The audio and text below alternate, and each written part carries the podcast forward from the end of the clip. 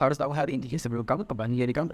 Ini dia tiga prinsip dalam penekanan diri. Check it out. Halo, aku Dika. Buat yang belum kenal, nama aku Dika. Suka banget bahas terkait dengan personality dan juga pengembangan diri. Cek profil aku buat hotel pengembangan diri lainnya ya.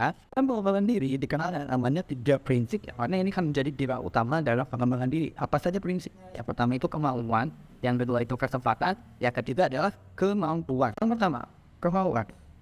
Nah, kalau misalkan yang pertama ini jadi salah satu pikiran utama juga ketika kita udah menginginkan sesuatu atau kita mau untuk berkembang atau kita mau untuk maju, maka berlelah-lelah pun atau berpahit-pahit pun kita tuh akan menjalani kehidupan yang demikian.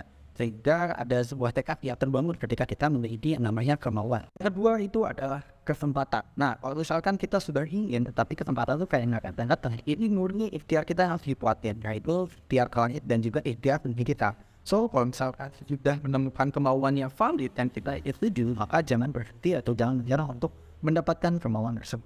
Ketiga, sekaligus yang menjadi yang terpenting juga, ya ini adalah kemampuan. Oke, sudah mau, sudah punya kesempatan, tapi ternyata kok gak sesuai dengan kemampuan diri kita sendiri.